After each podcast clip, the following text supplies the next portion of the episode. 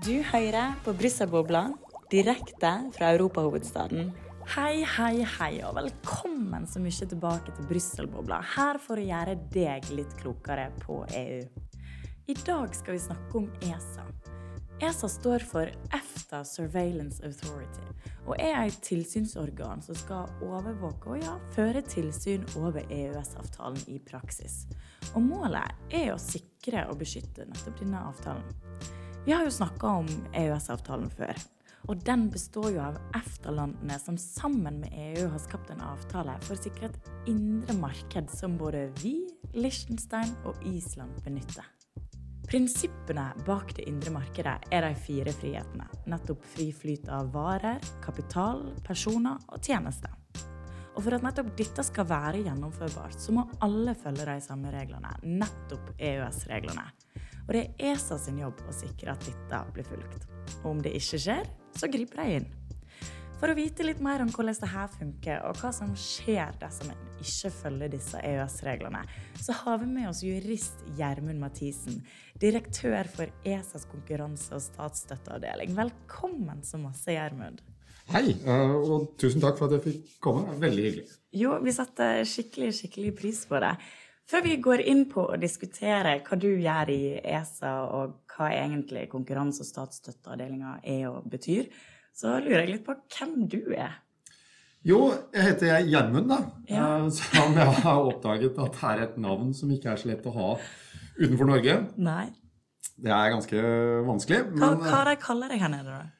Jeg ender gjerne opp som eh, Germain eller eh, Jeremy eller eh, et eller annet sånt Ja. som ikke helt er Gjermund. Men, men litt fransk schwung skal man jo ikke klage over. Nei da, man skal ikke klage over fransk schwung, men det er jo ikke det jeg heter, da. Nei, nei, det er Gjermund. Ja. Ja. Så eh, jeg kommer fra, fra Norge. Som, som alle kan høre, så kommer jeg fra Østlandet et sted. Eh, nærmere bestemt en liten by som heter eh, Kongsberg, som er en snau time utenfor Oslo. Ja. Og du jobber jo i ESA, og du har studert juss. Fortell litt om din studiebakgrunn som gjorde at du havna i ESA. Jo, det er helt riktig. Jeg studerte juss. Begynte å studere juss i, i Oslo. Og så tok jeg en liten tid eh, ute i Europa, i, i Tyskland, i løpet av eh, studiet. Eh, og som de fleste nordmenn som studerte i Tyskland eller andre steder i Europa, så, så var det EU-rett de gikk i, selvfølgelig. Ja.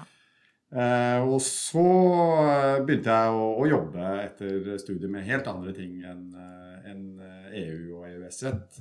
Det kommer jeg tilbake til litt senere. ja. Og ESA, det er jo noe vi ofte tenker på som EFTA. For F ESA står jo for eh, EFTA European Surveillance Authority.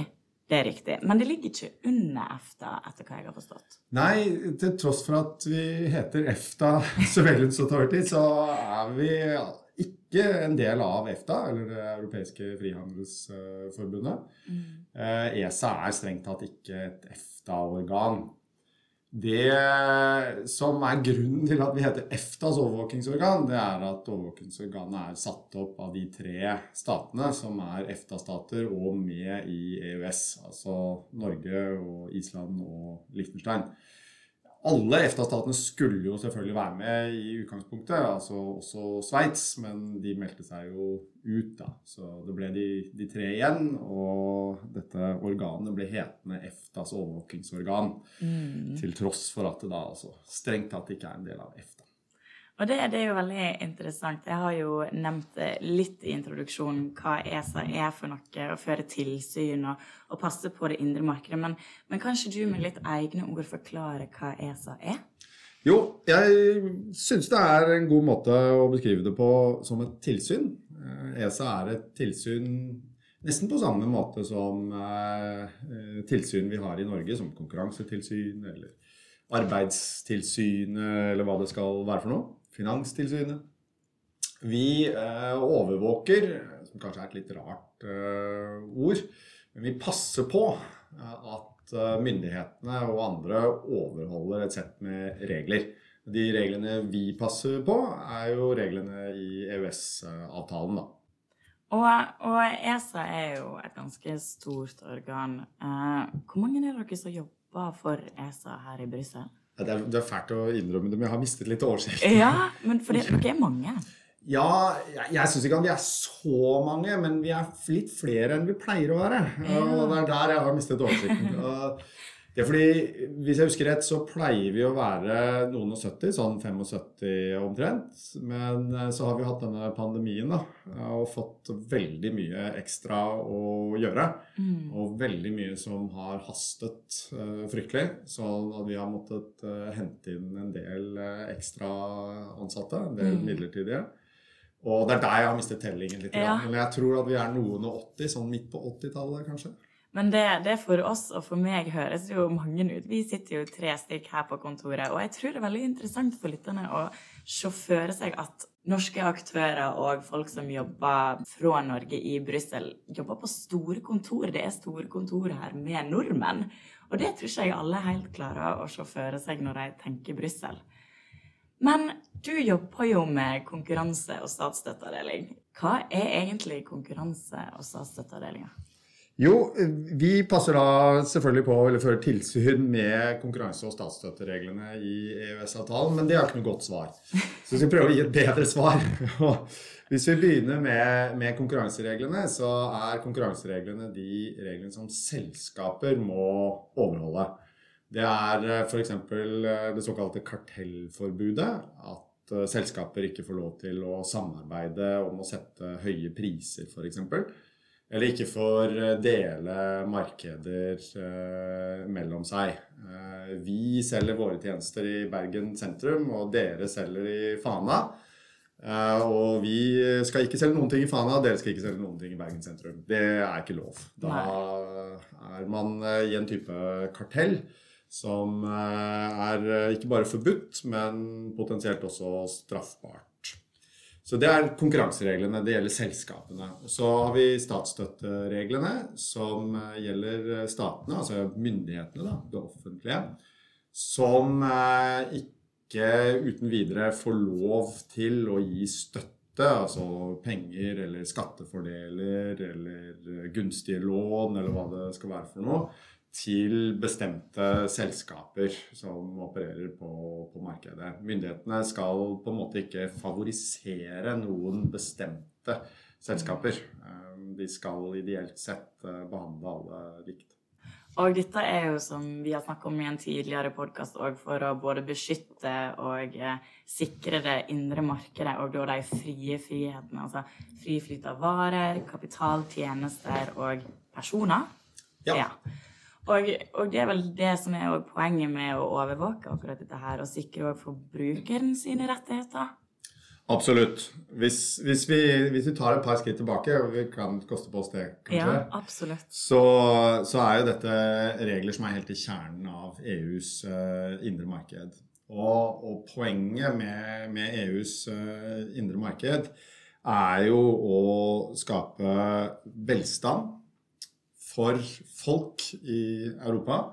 For derigjennom å skape stabilitet og fred, som jo til syvende og sist er målet med EU. Det var derfor vi fikk EU Ja. på, på 50-tallet etter annen verdenskrig. Det, det var for å sikre freden i Europa. Og det har vært en veldig vellykket prosjekt. Det må jeg få lov til å, til å stikke inn her. Og, og til syvende og sist så fikk jo også EU Nobels fredspris i Norge i 2012. Eh, langt på overtid, syns jeg, og, og, og høyst eh, fortjent. Så høres det kanskje litt fjernt ut at konkurransereglene og statsstøttereglene og det indre markedet og sånn er en del av dette fredsprosjektet. Men poenget er altså at hvis vi kan sikre velstand for alle, og dele denne velstanden rettferdig eh, mellom oss, så, så får vi en stabilitet i Europa som gjør at uh, det ikke er noen fare for uh, krig lenger. Det har jo virket, da. Vi, vi har jo ikke hatt krig i EU, i hvert fall Ja. siden annen verdenskrig. Men ESA jobber jo ikke kun med statsstøtte og konkurranseregler, gjør de det? Nei, det, det er riktig. Vi jobber med veldig mye mer uh, enn statsstøtte og, og konkurranseregler. Selv om vi, vi er jo delt inn i to avdelinger, egentlig. Vi har en avdeling for, for konkurranse og statsstøtte, og så, og så har vi en avdeling for resten, pleier jeg noen ganger å si. eller avdelingen for eh, indre marked, som eh, jobber med alle de andre reglene i EØS-avtalen, og dem er det mange av. Og da handler det helt grunnleggende om fri bevegelighet for personer, fri bevegelighet for, eh, for varer, tjenester, kapital. Så det er jo alt fra Nav-sakene Ja. eh, til eh, banker som vil eh, utvide og, og drive i, i andre land. Nå er det jo sånn at siden dette er så mye, så, så, så bør jeg skynde meg å si også at denne store avdelingen for resten, eller for indre marked, den er underinndelt i mindre avdelinger også. Ja. Så vi har en egen underavdeling for mattrygghet, f.eks. ja. Som Er veldig viktig. er kjempeviktig. Mm. Så vi ikke kan være trygge på at eh, maten vi, vi spiser, er trygg, eh, ikke er farlig for oss, så blir det skummelt å leve. Uh. Så dette er ekstremt viktig å, å passe på. Og det er da også den største delen av EØS-avtalen, faktisk. Hvis man teller avtale, direktiver og forordninger og, og, og regelverk, så er det mattrygghet eh, det handler om. Den nest største delen det er transportsikkerhet, som vi også har en egen underavdeling for. Vi må sørge for at det er eh, trygt å fly og, og ta, ta ferje og båt uh, osv. Ja. Det også er en del av, av tryggheten og sikkerheten i samfunnet som, som vi passer på her i Brussel. Og hver av disse både avdelingene og underavdelingene jobber jo da med å sikre EU sine nye regler inn i EØS, ikke sant? Og dere blir jo kalt for et overvåkningsorgan, et tilsynsorgan. Men hvordan er dere overvåker alt dette her? Og spesifikt, hvem er dere overvåker? Ja, overvåking høres veldig CIA ut. Ja. Og, og det er veldig langt fra det vi, det vi gjør i praksis. Eh, Men, men vi fører tilsyn på ganske ulik måte, avhengig av hvilket område det er snakk om, eller hva slags regler eh, det er snakk om. Vi, vi kan kanskje ta eksempel, eller typisk eksempel fra indre markedsområdet først. Hvis det handler om fri bevegelighet for, for personer, f.eks. Tenk Nav-saker, da. Eh, Da er det sånn at eh, ja, det, er, det er fælt å si det, men vi skriver mye brev. Det er, det er mye det det handler om. Det er, eh, det er offentlig forvaltning. Og det er sånn at hvis vi mener at noe Norge gjør er feil, bryter med EØS-avtalen, så gjør vi oppmerksom på det gjennom å skrive formelle brev til Norge. Så svarer Norge, og så er det en prosess frem og tilbake. Eh, Men stort sett så er det en prosess som faktisk fungerer veldig bra. Altså som virker og som gir resultater. For i nesten alle tilfeller så blir man enige om hva som eventuelt er feil, og om hva som må gjøres for å rette det opp. Ja. Og så skjer det endringer. Så det høres litt sånn byråkratisk kjedelig ut, kanskje. eh, Men det virker, og det er jo tross alt eh, det viktigste. I noen sjeldne tilfeller så blir vi ikke enige, og det trekker ut og, og det trekker ut. Og det ESA kan gjøre da, og som vi gjør noen få ganger, det er å ta ut stevning mot Norge for eh, EFTA-domstolen. Og så er det opp til ESA da, å forsøke å overbevise EFTA-domstolen om at Norge har brutt EØS-avtalen. Mm. På andre områder så fungerer det litt annerledes. På statsstøtteområdet f.eks. så er det sånn at eh, Norge kan ikke sette i verk tiltak som vil innebære statsstøtte. F.eks. gi skatteletter til bestemte sektorer, eller gi eh, gunstige momsregler til noen, men ikke til, eh, til andre, eller gi tilskudd til noen bedrifter. Uten først å notifisere, som vi sier, altså melde dette til ESA på forhånd, og så vente på at ESA behandler dette og godkjenner det. Først da kan Norge sette dette i verk. Ja. Og det betyr jo at vi er i en ganske annen stilling i, i ESA. Da fungerer det sånn at vi løper ikke etter norske myndigheter lenger og, og vifter med armene og sier hei, nå tror vi at dere har gjort noe feil, kan dere være så snill å rette opp i dette?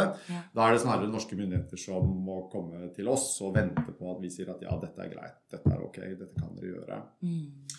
Og så har vi en tredje kategori, da, et tredje eksempel, konkurransereglene. Jeg må jo snakke litt om dem, siden jeg er ansvarlig for dem. Eh, og der jobber vi ganske på samme måte som politiet. Eh, som Økokrim er kanskje godt uh, sammenligningsgrunnlag. Nå begynner det å høres litt mer sånn CSI ut. Ja, da, ja da, det er jeg enig i. Da men det høres litt mer sånn ut. Men Vi har veldig mange av de, de samme verktøyene. Vi, vi kan gå på såkalte uanmeldte inspeksjoner, f.eks. Eller razzia, som de ofte kaller det i, i pressen i, i, Norge. Veldig spennende ord. Veldig spennende ord Ja. med dobbelt sett og alt mulig. Det ser veldig, veldig alvorlig ut. Ja. Og, og det er det jo selvfølgelig også for de bedriftene som blir utsatt eh, for det. Når det uanmeldt eh, kommer en, eh, en inspeksjon fra 10-20 eh, stykker fra et tilsyn, og beslaglegger potensielle bevis og intervjuer ansatte osv., så, videre, så er det selvfølgelig ganske inngripende tiltak. Og vi har flere inngripende verktøy også på, på konkurranseområdet. Til syvende og sist så, så kan vi jo ilegge foretak bøter hvis de bryter konkurransereglene. Og bøtene kan bli ganske høye i noen tilfeller. Senest eh, for ikke så veldig lenge siden så ila vi jo eh, Telenor en bot på ca. 1,2 milliarder kroner. Det er jo helt enorme tall. Det er, det er jo det er mange penger. Ja. Uh, I hvert fall så er det veldig mange penger for deg og meg. Ja. uh, det er et litt annet spørsmål om hvor mange penger dette egentlig er for et så stort selskap som, uh, som, som Telenor. Absolutt. Hva var det, eh, Nå trenger vi ikke å snakke så mye om det, men hva var det som var grunnen til at de ble ilagt en bot? Vi eh, mente da, altså Vårt vedtak eh, går ut på at eh, Telenor skviset noen av sine kunder med sin prising. Fordi en del kunder i Norge, en del teleoperatører i Norge, er avhengig av å kjøpe en del kapasitet fra Telenor for å kunne levere tjenester til sine kunder. Til, Ja, til Det ser vi jo på reklamene overalt. Det ser vi på reklamene overalt. Det er nettopp det. Og eh, vårt eh, vedtak gikk da på at eh, Telenor priset disse tjenestene til sine kunder, altså disse leverandørene, på en sånn måte at det ble umulig for dem å drive med overskudd. Det ble Ja. umulig for dem å konkurrere, rett og slett. Så de ble skviset ut av markedet. Veldig interessant og veldig godt eksempel. Fordi, for nå snakker vi jo om Norge. Eh, Men det er jo ikke bare Norge dere overvåker. ikke sant? For dere er en felles avdeling for alle EFTA-landene. Absolutt. Vi er eh, ett tilsyn for de tre EFTA-landene som er med i EØS, da, så foruten Norge, Island og Liechtenstein. Så vi passer på at de reglene som er tatt inn i EØS-avtalen, når direktiver og forordninger har blitt tatt inn i EØS-avtalen, da begynner vår jobb. Og vi skal passe på at de faktisk også blir gjennomført i disse tre landene, og at de blir håndhevet i disse tre landene. Så vi jobber ikke bare med Norge. Selv om veldig mange av sakene våre, og kanskje de fleste sakene våre, er norske saker. Og kanskje særlig på konkurranse- og, statsstøtteområdet, men, men også på andre deler av, eh, av EØS-avtalen. Og det har jo noe med å gjøre at uh, Norge, og ganske særlig den norske økonomien, tross alt er, er ganske mye større enn den islandske og den liechtensteinske til sammen. Ja, vi er et stort eh, økonomisk eh, land på den måten. Ikke så stort i folketall, kanskje. Men ESA og organet ses jo ofte på som kanskje som nevnt et overvåkingsorgan. Og det kan jo føre til en stor skepsis. Men vi har jo allerede vært inne på hvordan det kan være til forbrukerens beste. Og en, et annet eksempel som vi òg heller ikke trenger å gå i dybden på, det er jo Nav-saken. Og her så var jo kanskje prosessen litt annerledes i hvordan det òg ble oppdaga. Ja, det, det, er, det er helt riktig. Uh, og ja, det er jo noen ganger litt uh, skepsis mot, mot ESA. Uh, jeg vet ikke om det bare er fordi vi kalles et overvåkingsorgan, og fordi det kanskje er skummelt og sånn. Det, det er mulig det er andre grunner også. Men det er jo fint å få anledning til å si da, at det det handler om i EØS-avtalen, det er jo deg og meg. Det er forbrukere, det er folk. Det er de som skal nyte godt av reglene i EØS-avtalen. Enten det er eh, reglene som eh, kom eh, inn i Nav-sakene, og som gir rett til å reise i Europa. F.eks. For, for å besøke familie i, i, i, Portugal, eller dra på ferie på hytta i Sverige, hvis det, er, hvis det er det om å gjøre.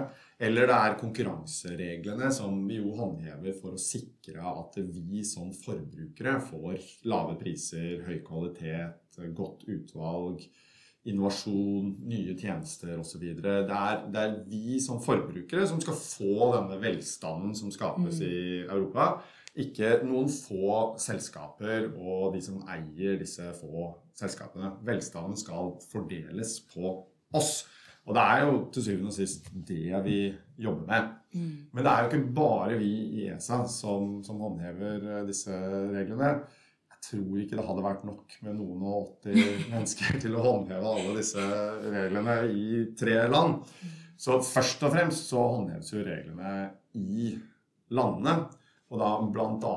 for domstolene, altså for nasjonale domstoler.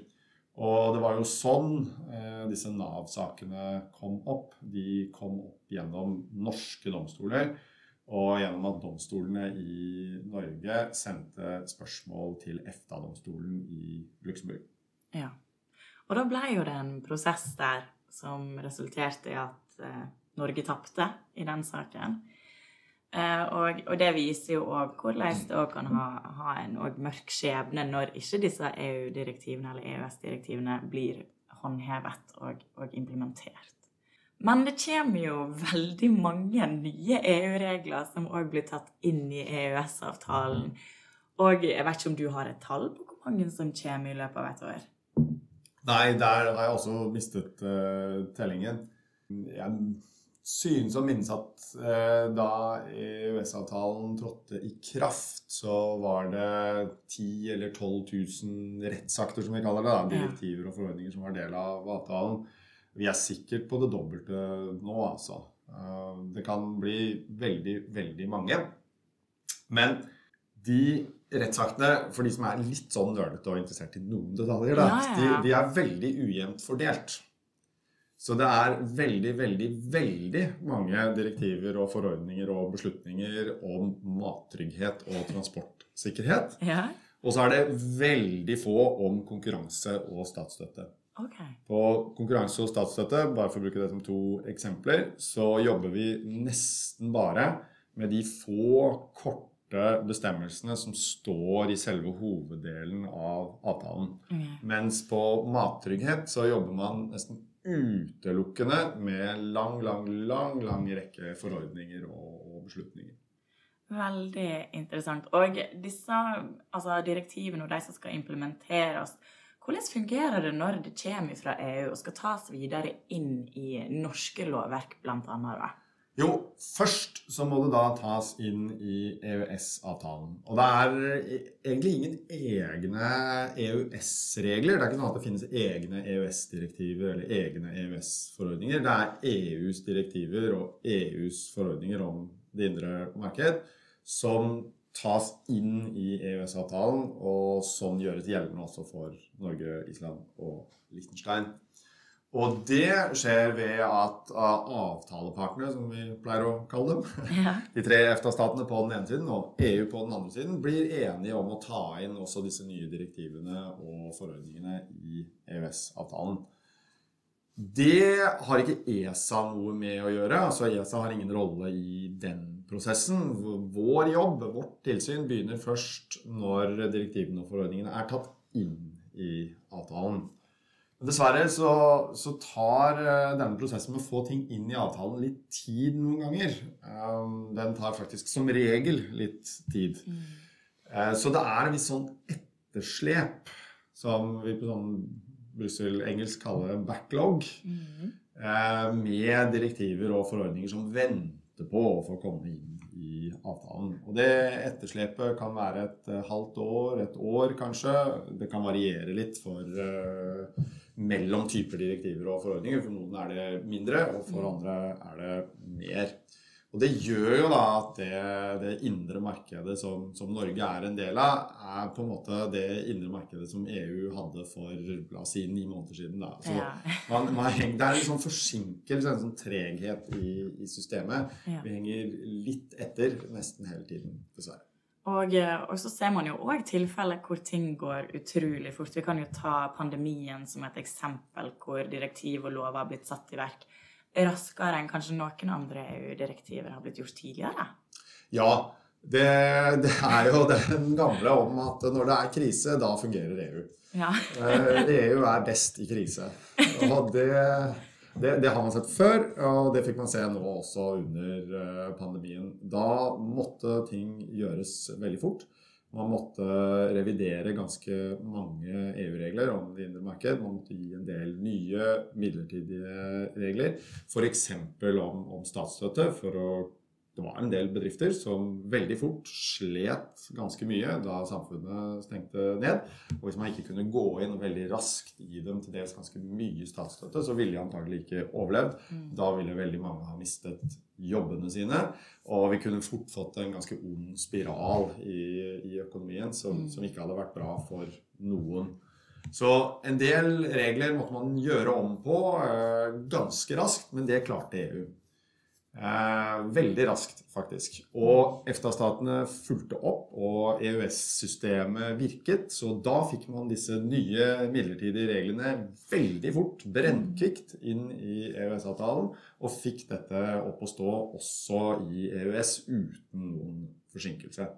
Så i krise så, så fungerer det kjempebra. Og EU har jo utvikla seg mye med årene. Og det fører jo òg til en utvikling innenfor EØS, eh, garantert. En av disse utviklingene handler jo om den, det grønne skiftet og Europas grønne giv. Og hvordan er det da ESA osv. arbeider med et sånt skifte? Det EUs grønne giv, Europas grønne giv, eller det grønne skiftet, som vi ofte kaller det i Norge, det, det er det store nå. Det har vært eh, det store et par år allerede, og, og, kommer til å være det i noen tiår eh, fremover. Dette er et, et, skifte, en omstilling som, som vi må klare. Ellers så, så, har vi ikke noen planet lenger eh, for, for, for oss selv, eh, for, for, barna våre og for, og for deres barn igjen. Vi må nå disse klimamålene. 55% i, i 2030. Vi er på etterskudd allerede, så det ser jo ikke veldig bra ut og et netto null-samfunn i 2050. Men det krever en kjempeinnsats. Ja, det er jo helt eh, hårreisende store mål. Hvordan er det man da arbeider for å få disse til? Man gjør mange ting. og annet så regulerer man da det indre marked. Man stiller krav ikke sant, om at det skal være mer miljøvennlige løsninger nær sagt eh, overalt i, i samfunnet. Og så må man også utvikle nye løsninger som ikke finnes ennå.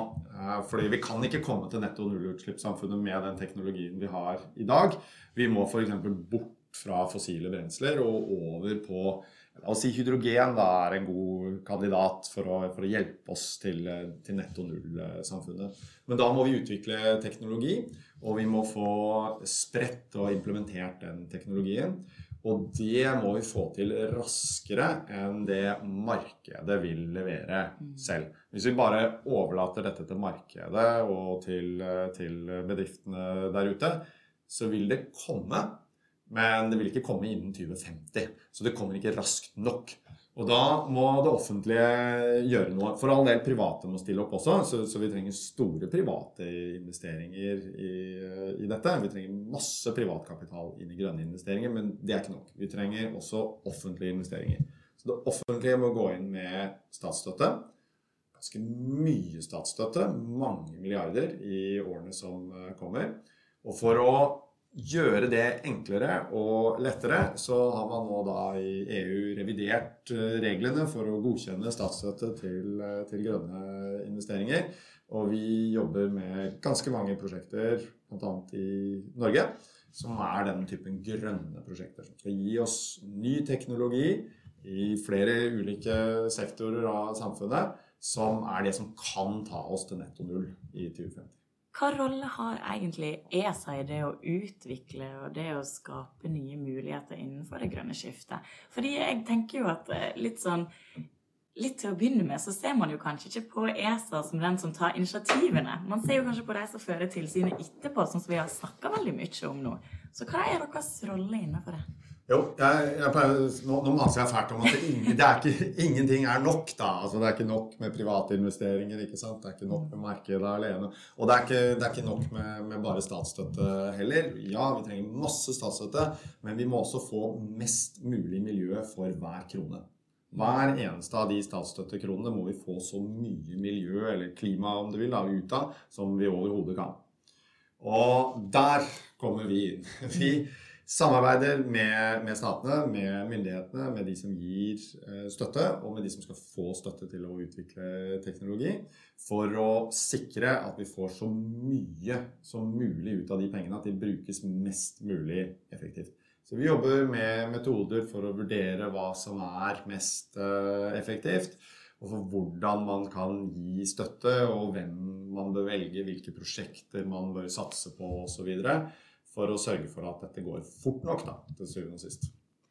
Veldig interessant å se at ESA er så delaktig. Jeg har jo sett at eh, det grønne skiftet er en del av deres hovedprioriteringer òg for tida. Men hvis vi skal snakke litt om lovgivning, det vet jeg jo at det ikke er deres rolle. Men du er jo erfaren her nede i Brussel-bobla og har sikkert et perspektiv på dette sjøl. Men hvordan ser du på muligheten, sånn som for oss aktører og lobbyister, andre her i Brussel, til å påvirke lovgivninga som til slutt ender opp inni EØS? Det er gode muligheter, men man må vite når man har de mulighetene. og og, og, de beste mulighetene, særlig for, for norske aktører, men, men, det er tilfellet for de aller fleste, altså, det er på et tidlig stadium. For måten EU jobber med lovgivningsinitiativer på, og policyinitiativer, det er at man har en, en tidlig fase som er veldig faglig innrettet, som er veldig fokusert på det faglige, veldig lite politisk. For all del, politikken kommer inn i dette, og det skal stemmes over disse forslagene til syvende og sist og sånn. Uh, og, og da, da, er det selvfølgelig veldig politisk, og det, det, betyr noe om man har stemmerett og et sete ved bordet eller ikke og sånn. Men på, et, på, en tidlig fase, når initiativene utarbeides, så er det det faglige som teller. Så hvis man kan komme med gode argumenter, god dokumentasjon, hvis man kan komme med løsninger som er gode løsninger, ikke bare for Norge. Det kan være litt vanskelig å selge inn altså, også i en tidlig, tidlig, fase. Men hvis man har løsninger som er gode løsninger for hele Europa, så er det noe, til min erfaring i hvert fall, som, som kommisjonen og andre her eh, nede tar imot med åpne armer på det, på det tidlige stadiet. Altså. Og får man sin løsning inn i dette initiativet på et tidlig stadium, ja, så er det også godt håp om at uh, løsningen blir værende der. Og da ender de jo kanskje opp i EØS-avtalen helt til slutt, der vi, eller der dere sitter og fører tilsyn. Men dere har jo sånn som UiB en trainee-ordning i ESA. Kan ikke du fortelle våre unge lyttere litt om dette her? Jo, veldig gjerne. eh, og veldig gjerne, fordi vi vil jo veldig gjerne ha flere norske ansatte.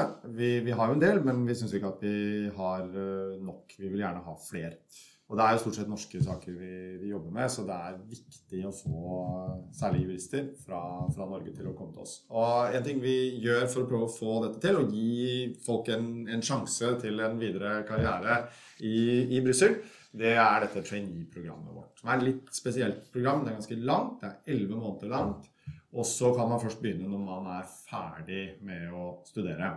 Vi begynner i september hvert år, som gjør at dette passer veldig godt for dem som er ferdig med studiet til sommeren. Da. Så mm. kan man søke også å komme til oss i, i, september og være rundt hele veien ut uh, juli året etterpå.